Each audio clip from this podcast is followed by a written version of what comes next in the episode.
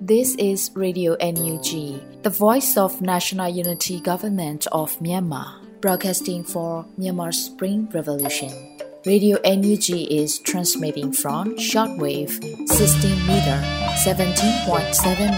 MHz at 8:30 a.m. and 25 meter 11.94 MHz at 8:30 p.m. Myanmar Standard Time.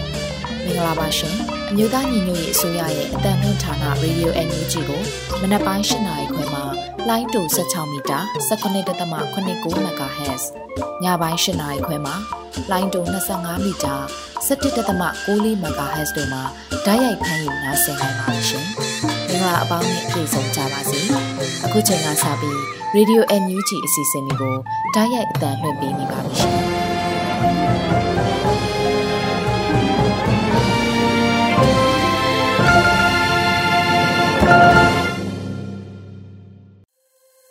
မြန်မာနိုင်ငံသူနိုင်ငံသားအပေါင်းတဘာဝပြီးဆရာနာရှင်ပြီးတို့ကနေကင်းဝေးပြီးကိုစိတ်နှပါဘေးကင်းလုံခြုံကြပါစေလို့ရေဒီယိုညူးချီဖွယ်သားများကဆုတောင်းမြတ်တာပို့သလာရပါတယ်ရှင်။ခုချိန်ကစပြီးကာကွယ်ရေးဝန်ကြီးဌာနရဲ့စီရေးသတင်းချင်းချုပ်ကိုတော့လူဦးလင်ကမှဖတ်ကြားတင်ပြပေးပါရမရှင်။ကာကွယ်ဝင်ကြီးဌာနအမျိုးသားညီညွတ်ရေးဆိုရမှာ နိုဝင်ဘာလ10ရက်နေ့2022ခုနှစ်ထုတ်ဝေတဲ့စစ်ရေးသတင်းချင်းချုပ်ကိုတင်ဆက်ပေးတော့မှာဖြစ်ပါတယ်။စစ်ကောင်စီတပ်သား22ဦးသေဆုံးပြီးဒဏ်ရာရရှိသူရေအတွက်ကိုစုံစမ်းနေဆဲဖြစ်ကြောင်းသတင်းရရှိပါရခင်ဗျာ။စစ်ကောင်စီနဲ့တိုက်ပွဲဖြစ်ပွားမှုသတင်းတွေကိုတင်ဆက်ပေးကြပါမယ်။မန္တလေးတိုင်းမှာနိုဝင်ဘာလ9ရက်နေ့ကပြည်ကြီးတကုံမြို့နယ်135လမ်းနဲ့လမ်း60နီးရှိဇာမြင့်ဆွေရက်ွက်အုပ်ချုပ်ရေးမှူးရုံး 50လမ်းနဲ့126လမ်းနီးရှိအမှတ်29ကျောင်းဝင်းထဲမှာအထိုင်ချတက်ဆွဲနေတဲ့စစ်ကောင်စီများနဲ့58လမ်းနဲ့123လမ်းနီးရှိစာလုံးရက်ကွက်အုပ်ချုပ်ရေးမှူးရုံးတို့အား Truth Keeping Amarapura Anonymous Force MDY နဲ့ Pentagram 9000ကျဲဖွဲ့တို့မှပူးပေါင်း၍ဖောက်ခွဲတိုက်ခိုက်မှုများပြုလုပ်ခဲ့ရာအမှတ်29ကျောင်းတွင်မှာစီးနှင်းထိုင်ချနေတဲ့စစ်ကောင်စီများအား ဘုံထုတိုက်ခိုက်ရမှာမပေါက်ခွဲခဲ့ပဲကြံတိုက်ခတ်မှုနှစ်ခုမှာစစ်ကောင်စီများထိခိုက်ဒေဆုံးမှုများရှိနိုင်ကြောင်းသတင်းရရှိပါရခင်ဗျာပဲခူးတိုင်းမှာနိုဝင်ဘာလ9ရက်နေ့ညနေ4နာရီခန့်ကအုပ်ဖို့မြို့နယ်ဝိုင်းကျေးရွာအုပ်စုချောင်းဆောက်ကျေးရွာကစစ်ကောင်စီတရင်ပြီးလက်နက်ကင်ဆောင်နေပြူစောတိကောင်ဆောင်အသက်45နှစ်ဝန်းကျင်ကိုချောင်းတန်ထွန်းကိုအုပ်ဖို့မြို့နယ်ချောင်းဆောက်စေပောင်ပေါ်မှာ ပြည်သူ့ကာကွယ်တပ်မတော်တာယာဝတီခရိုင် PDF တရင်3800နှစ်တက်ခွဲလေးကနန်းထက်အောင်စစ်စင်ရေးဖြစ်ပြစ်ခတ်တိုက်ခိုက်ခဲ့ရာတည်ဆုံးခဲ့ကြောင်းသတင်းရရှိပါတယ်ခင်ဗျာ။စကိုင်းတိုင်းမှာနိုဝင်ဘာလ9ရက်နေ့မနက်7:00နာရီခန့်ကပလောမြို့နယ်ဘက်မှာမြိတ်မြို့ဘက်သို့ဦးတီမောင်းနေလာတဲ့စစ်ကောင်စီက၃စီးပါစစ်ကောင်စီရင်နှန်းကို မင်းချိန်ရွာနီးမှာတောကြီးမွေရောက်ဖွဲ့က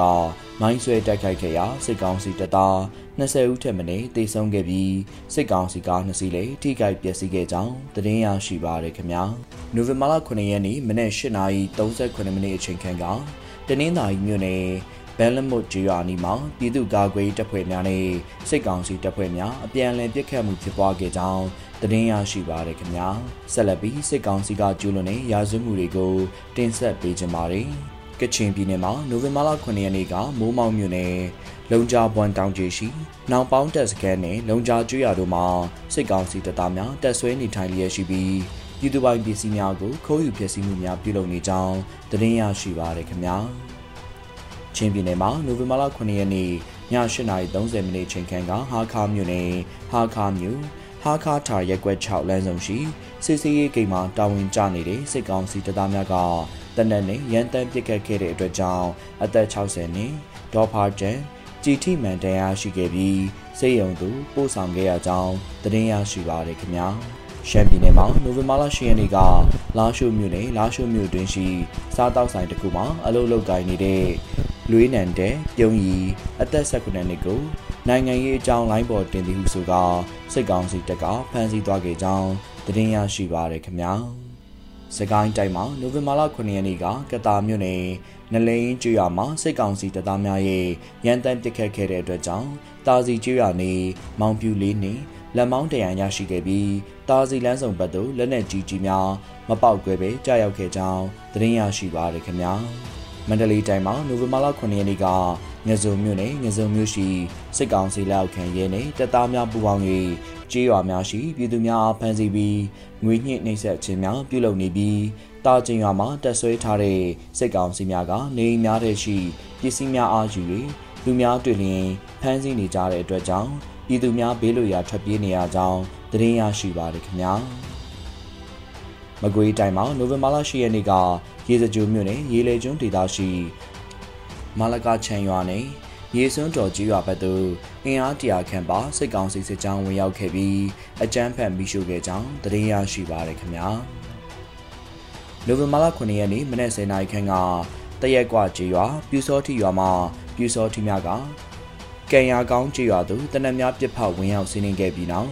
ကြီးရွာအတွင်းရှိပြည်သူပိုင်ပစ္စည်းများဖြစ်တဲ့ဆိုင်ကယ်၅စီးရွှေတစ်ကြက်သားငွေကျပ်10သိန်းဝန်းကျင်နဲ့ ဖုန်းတစ်လုံးတို့ကိုအကြမ်းဖက်ခိုးယူခဲ့ကြောင်းသတင်းရရှိပါရခင်ဗျာရန်ကုန်တိုင်းမှာနိုဝင်ဘာလ10ရက်နေ့ကတွန်တေးမြို့နယ်လာကပုံကျွော်မှာရက်ကြီး NLD ဥက္ကဋ္ဌ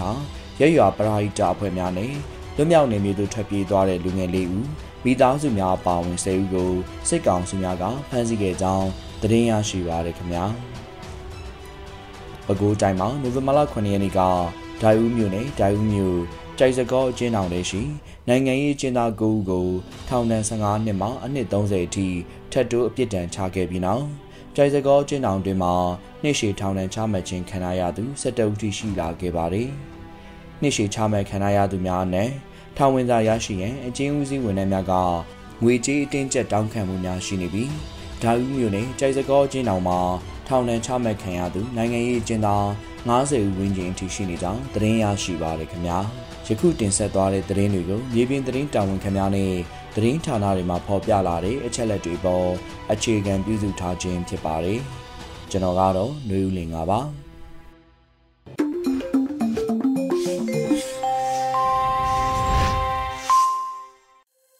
ရေဒီယိုအန်ယူဂျီမှာဆက်လက်တင်ပြနေပါတယ်။အခုဆက်လက်ပြီးနောက်ဆုံးရသတင်းများကိုအဲရီမှဖတ်ကြားတင်ပြပေးပါရမရှင်။မင်္ဂလာမနက်ခင်းပါရှင်။ 2022ခုနှစ်နိုဝင်ဘာလ9ရက်နေ့မနက်ခင်းပြည်တွင်းသတင်းတွေကိုတင်ပြပေးတော့မှာဖြစ်ပါတယ်။ကျွန်မကတော့အဲရီပါရှင်။ပထမဆုံးသတင်းအနေနဲ့ဆိုရွာလုံးနဲ့အကြမ်းဖက်စစ်ကောင်စီကိုအမြင့်ဖြတ်နိုင်မှုကအမျိုးသားညီညွတ်ရေးအစိုးရရဲ့ပထမဦးစားပေးဖြစ်တယ်လို့ပြည်ထောင်စုဝန်ကြီးချုပ်ပြောကြားလိုက်တဲ့သတင်းကိုတင်ပြပေးပါမယ်။ နိုဝင်ဘာလ10ရက်နေ့မှာကျင်းပတဲ့အမျိုးသားညီညွတ်ရေးအတိုင်းအမြံကောင်စီ NUCC နဲ့အမျိုးသားညီညွတ်ရေးအစိုးရပေါင်းဆက်ညှိနှိုင်းရေးကော်မတီ NUGJCC တို့အကြားချိတ်ဆက်ဆောင်ရွက်နေမှုတွေနဲ့ပတ်သက်တဲ့အစည်းအဝေးမှာပြည်ထောင်စုဝန်ကြီးချုပ်မန်ဝင်းခိုင်တန်းကအခုလိုပြောကြားလိုက်ပါတယ်။ကျွန်တော်တို့နိုင်ငံရဲ့နောက်ခံသမိုင်းကြောင်းတွေကြောင့်အစုအဖွဲ့တွေအချင်းချင်းကြားမှာယုံကြည်မှုတိစောက်ကြရတာခက်ခဲတာအမှန်ပါ။ ဒါပေမဲ့ဒီအချိန်ဒီကာလကတော့တခြားအကြောင်းအရာတွေထက်ဆိုးရွားလွန်းတဲ့အကြမ်းဖက်စစ်ကောင်စီကိုအမြင့်ဖြတ်နိုင်မှုကပထမဦးစားပေးဖြစ်တယ်လို့ကျွန်တော်တို့ရိုးရိုးသားသားယုံကြည်ပါတယ်။လူမဆန်တဲ့အာဏာယူအကြမ်းဖက်သမားတွေမရှိတော့မယ့်တနေ့မှာကျွန်တော်တို့အားလုံးဟာညီညီညွတ်ညွတ်နဲ့ကျွန်တော်တို့တီထောင်ကျင်ကြတဲ့ Federal Democracy နိုင်ငံတော်တည်ကြီးကိုတီထောင်နိုင်မယ်လို့အသေးချာယုံကြည်ပါတယ်လို့ဝန်ကြီးချုပ်ကဆိုပါတယ်။ 2021ခုနှစ်စက်တင်ဘာလအတွင်းမှာပြည်သူ့ခုခံတွန်းလှန်စစ်ကိုစတင်မှုအမျိုးသားညီညွတ်ရေးအစိုးရကကြေညာခဲ့ပါတယ်။လက်ရှိမှာစစ်ရေးအရှိန်မြင့်တင်ဆောင်ရွက်လျက်ရှိနေပြီးတော့အမျိုးသားညီညွတ်ရေးအစိုးရကလည်းတနစ်မဟာဗျူဟာစီမံချက်ကိုအကောင့်ထဲဖော်ဆောင်လျက်ရှိနေပါတယ်ရှင်။အကြမ်းဖက်တပုံခေါင်းဆောင်မရောက်နိုင်တဲ့စစ်အုပ်စုဟာနိုင်ငံတော်ပုံကံမှုကိုကျူးလွန်လှုပ်ဆောင်ခဲ့တယ်လို့ပြည်ထောင်စုလွှတ်တော်ကိုစားပြုကော်မတီကထုတ်ပြန်လိုက်တဲ့သတင်းကိုတင်ပြပေးပါမယ်။ နိုဝင်ဘာလ10ရက်နေ့မှာ2020ပြည့်နှစ်ပါတီစုံဒီမိုကရေစီအထွေထွေရွေးကောက်ပွဲနှစ်နှစ်ပြည့်အထိမ်းအမှတ်သဘောထားထုတ်ပြန်ချက်တရက်ကိုပြည်ထောင်စုလွှတ်တော်ကိုစားပြုကော်မတီကဖော်ပြထုတ်ပြန်လိုက်ပါတယ်။ပြည်သူလူထုကဒီမိုကရေစီခိုင်မာအားကောင်းလာစေရန်ပြင်းပြသော၎င်းတို့၏ဆန္ဒသဘောထားကိုပါတီစုံဒီမိုကရေစီအထွေထွေရွေးကောက်ပွဲတွင်ပြသခဲ့တော်လဲအကြမ်းဖက်သဘုံကောင်းဆောင်မရောက်နိုင်တဲ့စစ်အုပ်စုဟာ ရွေးကောက်ပွဲရလက်အားမဲမတမာမှုအဖြစ်အထောက်အထားမဲ့ဆွဆွဲ၍နိုင်ငံတော်သမ္မတဦးဝင်းမြင့်နဲ့နိုင်ငံတော်၏အတိုင်ပင်ခံပုဂ္ဂိုလ်ဒေါအောင်ဆန်းစုကြည်တို့ဦးဆောင်သည့်ပြည်သူအစိုးရအားလက်နက်အင်အားသုံးကဥပဒေမဲ့အာဏာသိမ်းပြီးနိုင်ငံတော်ပုံကံမှုပြစ်မှုအားကျူးလွန်လှုပ်ဆောင်ခဲ့တယ်လို့ဆိုထားပါတယ်။ဒါအပြင်အကြမ်းဖက်စစ်တပ်က၎င်းတို့ကျူးလွန်ခဲ့သောရာဇဝတ်မှုများမှတာဝန်ခံရမှုနဲ့အပြစ်ပေးခံရမှုတို့မှကင်းလွတ်သွားစေရန်ရည်ရွယ်၍အတူရောင်ရွှေကောက်ပွဲကျင်းပကအာဏာသိမ်းမှု၏ထွက်ပေါက်နီးလန်းတစ်ခုဖြစ် နိုင်ငံတကာနှင့်ပြည်သူလူထုအားလှည့်ပြားရန်ကြိုးပမ်းလျက်ရှိတယ်လို့ဖော်ပြပါရှိပါတယ်။ထို့ကြောင့်တရားဥပဒေစိုးမိုးရေးနဲ့မြန်မာပြည်သူတို့၏ဆန္ဒသဘောထားကိုလေးစားသောအဖြစ်ကမ္ဘာနိုင်ငံများနှင့်ပြည်တွင်းရှိနိုင်ငံရေးပါတီများကအကြမ်းဖက်သဘုံအဖွဲ့အစည်းဖြစ်သည့်တရားမဝင်စစ်ကောင်စီကစီစဉ်လျက်ရှိသည့်အတူရောင်ရွှေကောက်ပွဲအပေါ်ပူးပေါင်းဆောင်ရွက်ခြင်းမပြုရနှင့်တားဆီးကန့်ကွက်သွားကြရန်အထူးအလေးနဲ့တောင်းဆိုတိုက်တွန်းအပ်ပါတယ်လို့ပြည်ထောင်စုလွှတ်တော်ကိုစားပြုကော်မတီကထုတ်ပြန်လိုက်ပါတယ်ရှင်။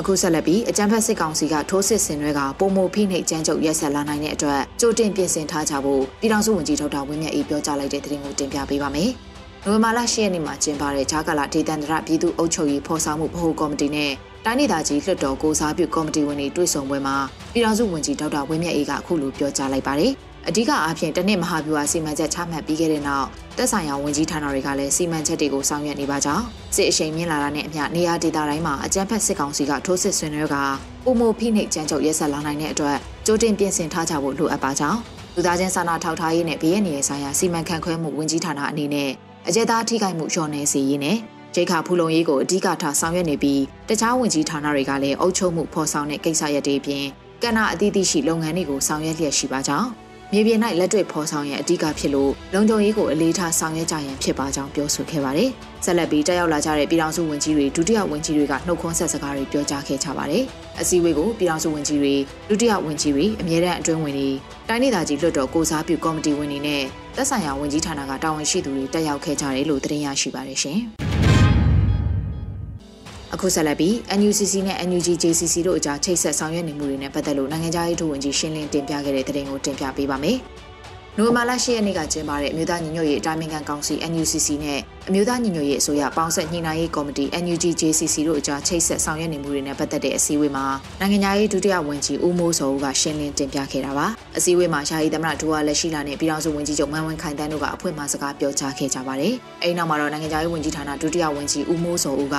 NUCC NUGJCC ချိတ်ဆက်ဆောင်ရွက်နေမှုတွေနဲ့ပတ်သက်ပြီးအချင်းချုပ်ရှင်းပြခဲ့ပြီးတော့သက်ဆိုင်ရာ JCC ကိုစားပြုဝန်ကြီးတွေက JCC တခုချင်းစီလိုက်ဆွေးနွေးတင်ပြခဲ့ကြပါတယ် ဆွေးနွေးချက်တွေပေါ်ယာယီသမ္မတဒူဝါလက်ရှိလာနဲ့ပြည်ထောင်စုဝန်ကြီးချုပ်မန်းဝင်းခိုင်တန်းတို့ကဖြည့်ဆွတ်ပြောကြားခဲ့ကြတယ်လို့သတင်းရရှိပါတယ်ရှင်။ဆက်လက်ပြီးဥရောပသမဂ္ဂကထပ်မံပြီးလူပုဂ္ဂိုလ်19ဦးနဲ့အဖွဲ့အစည်းတစ်ခုပေါ်ပြည်ထန်ခတ်ပိတ်ဆို့မှုတွေချမှတ်လိုက်တဲ့သတင်းကိုတင်ပြပေးပါအောင်မယ်။နိုမာလာရှိရက်နေ့ညပိုင်းမှာဥရောပသမဂ္ဂကလွန်ခဲ့တဲ့နှစ်နှစ်အကြာအာဏာသိမ်းပြီးနောက်အကြမ်းဖက်မှုတွေမြင့်တက်လာပြီးပြင်းထန်တဲ့လူခွင့်ရေးချိုးဖောက်မှုတွေဆက်လက်ဖြစ်ပွားနေတာကြောင့်ကောင်စီဟာပြင်စမအကြိမ်ပြည်တံခတ်ပိတ်ဆို့မှုတွေကိုအတည်ပြုခဲ့ပါတယ်လို့ဖော်ပြပါတယ်။ ပိတ်ဆို့အရေးယူလိုက်တဲ့လူပုဂ္ဂိုလ်19ဦးနဲ့အဖွဲ့အစည်းတစ်ခုပါဝင်တဲ့စီးရင်တင်မှာစစ်ကောင်စီခန့်ရင်းနှီးမြှုပ်နှံမှုနဲ့နိုင်ငံခြားစီးပွားဆက်သွယ်ရေးဝန်ကြီးဦးကန်းစောတရားလွှတ်တော်ချုပ်တရားသူကြီးချုပ်ဦးထွန်းထွန်းဦးကြီးတက်တဲ့လေတပ်ကအစိမ့်မြင့်အရာရှိကြီးတွေပြည်ထောင်စုရွှေကောက်ပွဲကော်မရှင်အဖွဲ့ဝင်တွေနဲ့တမတော်နဲ့အနီးကပ်ဆက်နွယ်ပြီးချိတ်ဆက်ပံ့ပိုးပေးလျက်ရှိတဲ့ပုဂ္ဂလိကကုမ္ပဏီတွေကစီးပွားရေးကိုယ်စားလှယ်တွေပါဝင်ပါတယ်မြန်မာနိုင်ငံမှာဒီမိုကရေစီနဲ့တရားဥပဒေစိုးမိုးရေးကိုထိခိုက်စေဖို့အဓိကအခမ်းကဏ္ဍကပါဝင်လျက်ရှိပြီးနိုင်ငံအတွင်းငြိမ်းချမ်းရေးလုံခြုံရေးနဲ့ တည်ငြိမ်ရေးတို့ကိုချိန်ချောက်တဲ့လုပ်ရက်တွေဆောင်ရွက်လျက်ရှိတဲ့စစ်ကောင်စီလည်းအဆိုပါစီးရင်မှာပါဝင်တယ်လို့သိရှိရပါတယ်။ပြည်ထောင်ခတ်ပိတ်ဆို့မှုတွေမှာလူပုဂ္ဂိုလ်စုစုပေါင်း84ဦးနဲ့အဖွဲ့အစည်း17ခုအပေါ်အကျုံးဝင်တက်ရောက်မှာဖြစ်ပြီးစီးရင်သွင်းခံရသူတွေဟာပိုင်ဆိုင်မှုထိန်းချုပ်ခံရခြင်းနဲ့ခီးသွွာလာခွင့်ပိတ်ပင်ခြင်းတွေခံရမှာဖြစ်တယ်လို့၎င်းတို့ကိုဥရောပသမဂ္ဂနယ်မြေအတွင်းဝင်ရောက်ခြင်းဒါမှမဟုတ်ဖျက်ဆီးခြင်းကနေတားဆီးခံထားရမှာလည်းဖြစ်ပါတယ်ရှင် ဂျပန်မှာ NUG ပေးအသုံးပြုနိုင်ပြီလို့အသိပေးကြေညာတဲ့သတင်းကိုတင်ပြပေးပါမယ်။နိုဝင်ဘာလ10ရက်နေ့မှာ NUG ပေးကဂျပန်မှာ NUG ပေးအသုံးပြုနိုင်ပြီဖြစ်ကြောင်းကိုအသိပေးကြေညာလိုက်ပါတယ်။ဂျပန်မှရွှေမြန်မာများအတွက်သတင်းကောင်းတစ်ခုမျှဝေပေးရစီဂျပန်မှာ NUG ပေးရှိနေပါပြီတော်လန်ခေရဲ့တော်လန်ပတ်စံ DMMK နဲ့ NUG ပေးကိုအသုံးပြုပြီးလွတ်လပ်တဲ့တရားမျှတတဲ့ Federal Democracy ပြည်ထောင်စုစီအရောက်လှမ်းချမယ်လို့ဆိုထားပါတယ်။ NUG Pay အကောင့်ဖွင့်သုံးစွဲလိုပါကနိုင်ငံတကာရှိ NUG Pay agent တွေကိုဆက်သွယ်နိုင်ဖို့ NUG Pay ရဲ့တရားဝင်လူမှုကွန်ရက်စာမျက်နှာမှာဖော်ပြထားပါတယ်။ NUG Pay ဟာစစ်ကောင်စီလက်အောက်ကလွတ်မြောက်တဲ့တခုတည်းသောဗန်နာရေးစနစ်လည်းဖြစ်ပါတယ်ရှင်။အခုဆက်လက်ပြီးတောင်ကိုရီးယားမှာပထမကြိမ် NUG ကိုယ်စားလှယ်ဖလားဆောင်ရသည့်ဘောလုံးပြိုင်ပွဲကျင်းပသွားမယ့်တဲ့တင်ကိုတင်ပြပေးပါမယ်။တော်လိုင်းရဲ့ရမုံကိုရှာဖွေတဲ့အနေနဲ့တောင်ကိုရီးယားမှာပထမကြိမ် NUG ကိုယ်စားလှယ်ဖလားဆောင်ရသည့်ဘောလုံးပြိုင်ပွဲကိုနိုဝင်ဘာလ23ရက်နေ့မှာကျင်းပသွားမှာဖြစ်တယ်လို့သတင်းရရှိပါတယ်။ တောင်ကိုရီးယားနိုင်ငံရှီဟွန်မြို့ခွီမန်ပန်းချံဝင်းတွင်ဘောလုံးကွင်းမှာကစားကြမှာဖြစ်ပြီးတော့မြန်မာဘောလုံးအသင်းအနေနဲ့ NUG ကိုရီးယားကိုယ်စားလှယ်ရုံးတို့ပူးပေါင်းစီစဉ်ကျင်းပမှာဖြစ်ပါတယ်။စုကြီးတွေအနေနဲ့ကတော့ပထမဆု110သိန်းစုဖလားနဲ့ရွှေဆွဲပြဒုတိယဆုဝန်9သိန်းစုဖလားနဲ့ငွေဆွဲပြားတို့ကိုပေးအပ်ချီးမြှင့်သွားမှာဖြစ်တယ်လို့သိရှိရပါတယ်ရှင်။ ပြည်သူပညာရေးအကြောင်းကဆရာနဲ့ကျောင်းသားတွေကိုအရေးယူမယ်လို့ချိန်ချောက်စာတွေအရတော်မြို့နယ်အခြေဆိုင်စစ်ကောင်စီတပ်ဖွဲ့တွေကလိုက်လံကပ်ပြီးအသိပေးနေတဲ့သတင်းကိုတင်ပြပေးပါမယ်။ဒီသတင်းကိုတော့နိုဝင်ဘာလ10ရက်နေ့မှာအရတော်မြို့နယ်ပြည်သူ့အုပ်ချုပ်ရေးအဖွဲ့ကအတည်ပြုပြောဆိုပါတယ်။အရတော်မြို့နယ်အခြေဆိုင်စစ်ကောင်စီတပ်ဖွဲ့များကမြို့နယ်အတွင်းရှိခြားကာလာကိုထုကိုထအကြောင်းများတွင်ပညာသင်ကြားနေသည့်ဆရာဆရာမများနှင့်ကျောင်းသားကျောင်းသူများအားအရေးယူမည့်အကြောင်းချင်းချောက်စာများကိုမြို့ရင်း၌လိုက်လံကပ်၍ကြေညာနေပါသဖြင့်စစ်တပ်၏လေကြောင်းတိုက်ခိုက်မှုအန္တရာယ်မှကာကွယ်နိုင်ရန်အတွက်အရတော်မြို့နယ်မှခြားကာလာပညာရေးကိုထုကိုထအကြောင်းများတွင်လေကြောင်းရန်ကာကွယ်ရေးအသိပညာပေးဟောပြောပွဲတွေပြုလုပ်ခဲ့ပါတယ်လို့ဖော်ပြပါတယ်။အကြံဖက်စစ်ကောင်စီရဲ့စာတင်ကြောင်းတွေပါမချင်စီရေးပြစ်မှတ်ဖြစ်အကြံဖက်တိုက်ခိုက်နေမှုတွေကနေကာကွယ်နိုင်ဖို့အမျိုးသားညီညွတ်ရေးအစိုးရရဲ့လမ်းညွှန်ချက်တွေအတိုင်းကြိုတင်ပြင်ဆင်ထားနိုင်ရေးအတွက်ရေတော်မြို့နယ်ရဲကြီးပအားဖပကဖအဖွဲ့တွေနဲ့ဆွေးနွေးစီစဉ်မှုတွေလှုပ်ဆောင်ခဲ့တယ်လို့လည်းသတင်းရရှိပါတယ်ရှင်။ ပေါမြို့နယ်ကုတ်ကူစုရွာမှာတက်ဆွဲထားတဲ့စစ်ကောင်စီတပ်နဲ့ပြူစောထီတွေပြစ်ခတ်တိုက်ခိုက်ခံရတဲ့တဲ့တင်ကိုလည်းတင်ပြပေးပါအောင်မယ်။နိုဝင်ဘာလ10ရက်နေ့မှာမကွေးတိုင်းပေါ့မြို့နယ်ကုတ်ကိုစုရွာမှာတက်ဆွဲထားတဲ့စစ်ကောင်စီတပ်နဲ့ပြူစောထီတွေလက်နက်ကြီးတွေအပါအဝင် rocket shot တိုက်ထုံးတွေနဲ့ပစ်ခတ်တိုက်ခိုက်ခံရတယ်လို့ Anonymous Special Task Force ပေါ့အဖွဲ့ကအတည်ပြုပြောဆိုပါတယ်။ ပေါ့မြို့နယ်ကုတ်ကိုစုရွာမှာတက်ဆွဲထားတဲ့စစ်ကောင်စီတပ်နဲ့ပြူစောထီတွေကိုတစောင်းမောင်းလာပြင်းည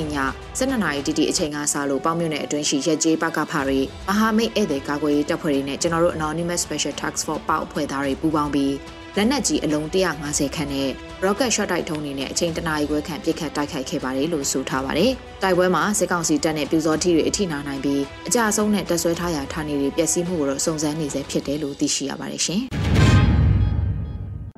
အခုဆက်လက်ပြီးမြင်းချံမြို့နယ်ပြားကျေးရွာကိုစစ်ကောင်စီတပ်တွေမိရှုဖျက်ဆီးခဲ့တဲ့တဲ့ရင်ကိုတင်ပြပေးပါမယ်။နိုဝင်ဘာလ10ရက်နေ့ညပိုင်းမှာမြင်းကြံမြို့နယ်ပြားကျေးရွာကိုစစ်ကောင်စီတပ်တွေကမိရှို့ဖျက်ဆီးခဲ့တယ်လို့ငကနီပျောက်ကြားတပ်ဖွဲ့မြင်းကြံကအတည်ပြုပြောဆိုပါတယ်။မြင်းကြံမြို့နယ်ပြားကျေးရွာကိုစစ်ကောင်စီတပ်ကမိတင်နေပါတယ်။ပြည်သူများဘေးကင်းကြပါစေလို့ဆိုထားပါတယ်။အကြမ်းဖက်စစ်တပ်ဟာတနိုင်ငံလုံးမှာအရက်သားလူနေအိမ်နဲ့အဆောက်အဦပေါင်း3600ကျော်ကိုမိရှို့ဖျက်ဆီးခဲ့ပြီးဖြစ်ပါတယ်ရှင်။ အခုတင်ပြပေးခဲ့တဲ့သတင်းတွေကိုတော့ Radio NUG သတင်းထောက်မင်းမင်းကပေးပို့ထားတာဖြစ်ပါတယ်ရှင်။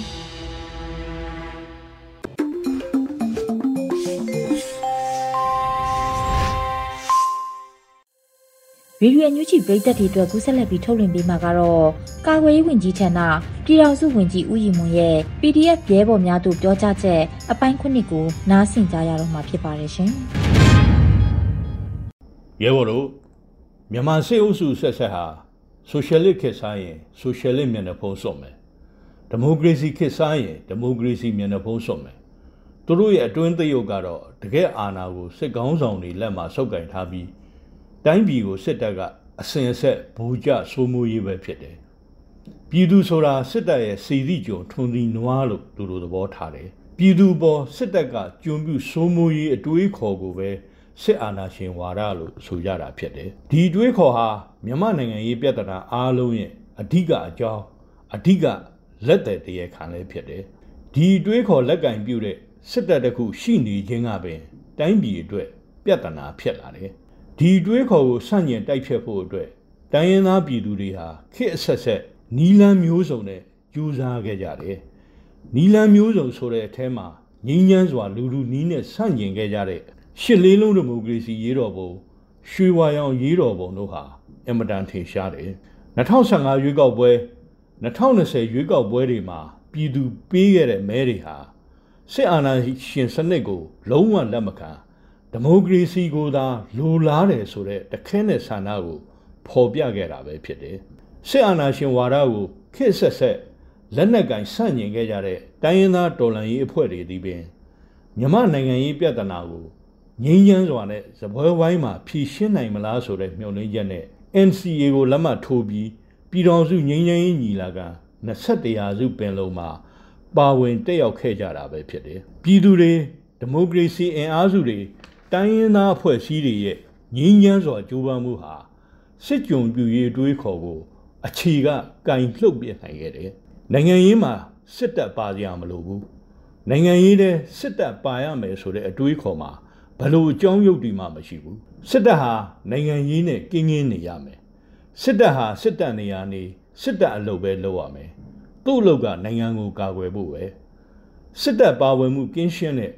ဒီမိုကရေစီစစ်စစ်အတွေးခေါ်ဟာပြည်သူလူထုကြားပိုးပြီးအားကောင်းလာခဲ့တယ်။အတွေးခေါ်တိုက်ပွဲမှာ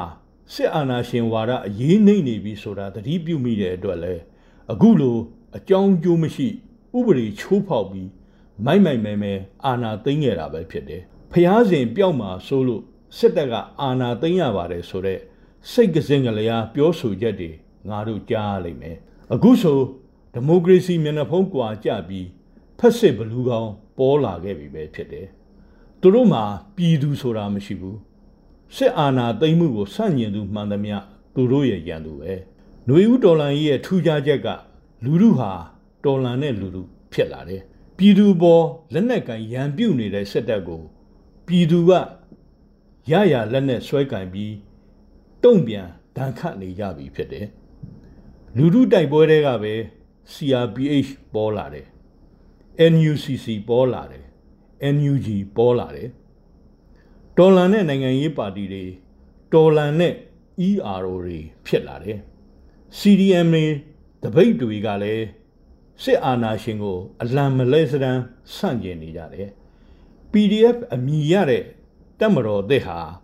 ຫນွေဦးတော်လန်ရေးကပဲမွေးထုတ်ပေးခဲ့တာဖြစ်တယ်အားလုံးသဘောတူမျှတဲ့ဘုံပန်းနိုင်တစ်ခုအပေါ်မှာတော်လန်ရေးအင်အားစုတွေရဲ့ညီညွတ်မှုကိုတီဆောက်နိုင်ခဲ့ခြင်းဟာຫນွေဦးတော်လန်ရေးရဲ့အင်မတန်ထူးခြားတဲ့အချက်ဖြစ်တယ်ငါတို့ညီညွတ်တဲ့အားကိုစစ်ကောင်စီဘလို့မှခံနိုင်မယ်မဟုတ်ဘူးစစ်အာဏာရှင်စနစ်အမြင့်ဖြတ်မယ် ပြီးရင်လွတ်လပ်တဲ့ငြိမ်းချမ်းတဲ့တိုင်းရင်းသားအလုံးဒန်းတူညီမျှတဲ့လူပေါင်းကိုတီထောင်ကြမယ်ဆိုတဲ့ငါတို့ရဲ့ပန်းနိုင်ဟာအလွန်ရှင်းလင်းပြတ်သားတယ်ငါတို့ညီညွတ်ရင် အောင်ပွဲဟာလက်တကမ်းမှာပဲရှိလိမ့်မယ်ပြည်သူတော်လှန်ရေးမုတ်ချအောင်ရမည်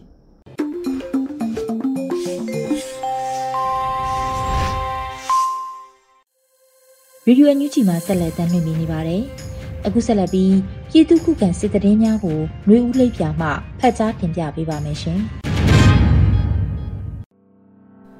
ပထမဦးစွာပူလောတွင်စစ်ကြောင်းနှင့်ရင်တန်းနှစ်ကြိမ်မိုင်းဆွဲခံရတဲ့တရင်တင်ဆက်ပါမယ်။တနင်္လာရီတိုင်းပူလောမြို့နယ်တွင်စစ်တပ်စစ်ကြောင်းမိုင်းဆွဲတိုက်ခိုက်ခံရပြီး၁၀ဦးထပ်မံတေဆုံးခဲ့ကြောင်းသိရှိရပါတယ်။နိုဝင်ဘာလ9ရက်နေ့နနက်6နာရီခန့်တွင်ပူလောမှမြိတ်ဖက်သို့ဦးတည်လာသည့် အကြမ်းဖက်စစ်တပ်ခြေလင်းစစ်ကြောင်းကိုပြည်သူ့ကာကွယ်ရေးတပ်မတော်မြိတ်ခရိုင်တရင်တက်ကမိုင်း6လုံးဖြင့်ဖောက်ခွဲတိုက်ခိုက်ခဲ့ပြီးအပြန်အလှန်ပစ်ခတ်မှုမိနစ်90ခန့်ဖြစ်ပွားခဲ့ကြောင်းအပြန်အလှန်ပစ်ခတ်မှုအတွင်းစစ်တပ်ဘက်မှ10ဦးထပ်မံတေဆုံးခဲ့ပြီး9ဦးခန့်ထိခိုက်ဒဏ်ရာရရှိခဲ့ကပြည်သူ့ကာကွယ်ရေးတပ်ဖွဲ့ဝင်များအထိခိုက်မရှိစုခွာနိုင်ခဲ့ကြောင်းမြိတ်ခရိုင် PDF တပ်ဖွဲ့ကထုတ်ပြန်ထားပါတယ်။အလားတူနိုဝင်ဘာလ9ရက်ညနေမှာပဲ မင်းထိန်ရွာအနီးစစ်ကား၃စီးထမှန်မိုင်းဆွဲတိုက်ခိုက်ခံခဲ့ရပါတယ်ရှင်။မုံရွာတွင်စစ်ကားကိုပစ်ခတ်တိုက်ခိုက်မှုဘိုးနှဦးအပါအဝင်စစ်သား6ဦးပွဲချင်းပြီးတိုက်ဆုံတဲ့တရင်ဆက်လက်တင်ဆက်ပါမယ်။စကိုင်းတိုင်းမုံရွာမြို့နယ်တွင်ဘိုးနှဦးအပါအဝင်စစ်သား8ဦးလိုက်ပါလာသောကားကိုပစ်ခတ်တိုက်ခိုက်မှုစစ်သား6ဦးပွဲချင်းပြီးတိုက်ဆုံကြောင်းတမနီ Force MPTF မုံရွာခရိုင်ကသတင်းထုတ်ပြန်ပါတယ်။နိုဝင်ဘာလ9ရက်နေ့ညနေ3:30မိနစ်အချိန်မုံရွာမြို့ပြည်တော်သား အဝိုင်းပတ်ထိတ်ကြောက်စစ်ပုံရွာမှဖဲရိုက်ပြန်လာသောစစ်ဘုံနှစ်ဦးအပါအဝင်စုစုပေါင်းစစ်သား၈ဦးလိုက်ပါလာသောစစ်ကားကိုတမနီ Force MPDF မုံရွာခရိုင်တရင်မှတက်ခွဲတပ်ဖွဲ့ဝင်များပူးပေါင်းစစ်ဆေးရေးဖြင့်စောင့်ကြိုပစ်ခတ်တိုက်ခိုက်ခဲ့တာပါပစ်ခတ်မှုကြောင့်ကားအရှိကန်းအတွင်းမှ စစ်ဘိုးနှကောင်အပါအဝင်စစ်စုပေါင်း6ဦးနေရာတွင်ပွဲချင်းပြီးတည်ဆုံသွားကြောင်းကျန်ရှိစစ်သား2ဦးကပြန်လည်ခံပစ်ဖြစ်ရဲဘော်များ၏အသက်လုံးစုံရေးအတွက်ပြန်လည်ဆုတ်ခွာခဲ့ရကြောင်းထုတ်ပြန်ထားပါတယ်။နောက်ဆုံးတင်ဆက်မှာကဝက်လက်ရွှေပန်းကုန်းရဲစခန်းကို PDF တပ်ဖွဲ့များကဝင်တိုက်ခိုက်ခဲ့တဲ့တဲ့မှာစကိုင်းတိုင်းဝက်လက်မြို့နယ်ရွှေပန်းကုန်းရွာရဲစခန်းကို PDF တပ်ဖွဲ့များဝင်ရောက်တိုက်ခိုက်မှုစစ်ကောင်စီတပ်သား6ဦးထိခိုက်ပြီး PDF တအူးကြဆုံးခဲ့ရပါတယ်။အောက်တိုဘာလ19ရက်နေ့နနက်9:40မိနစ်ခန့်ကရွှေပန်းကုန်းရွာရဲစခန်းကိုဒေသခံကာကွယ်ရေးတပ်ဖွဲ့များကစခန်းသိမ်းတိုက်ပွဲဖြစ်ဝင်ရောက်တိုက်ခိုက်ခဲ့ခြင်းဖြစ်ပြီးတနအီခန့်ထိတွေ့တိုက်ပွဲဖြစ်ပွားခဲ့ကအကြံဖက်စစ်တပ်ဖက်မှလေကြောင်းပစ်ကူများရောက်ရှိလာသောကြောင့် PDF ရေပေါ်များပြန်လည်ဆုတ်ခွာခဲ့ရပါတယ်။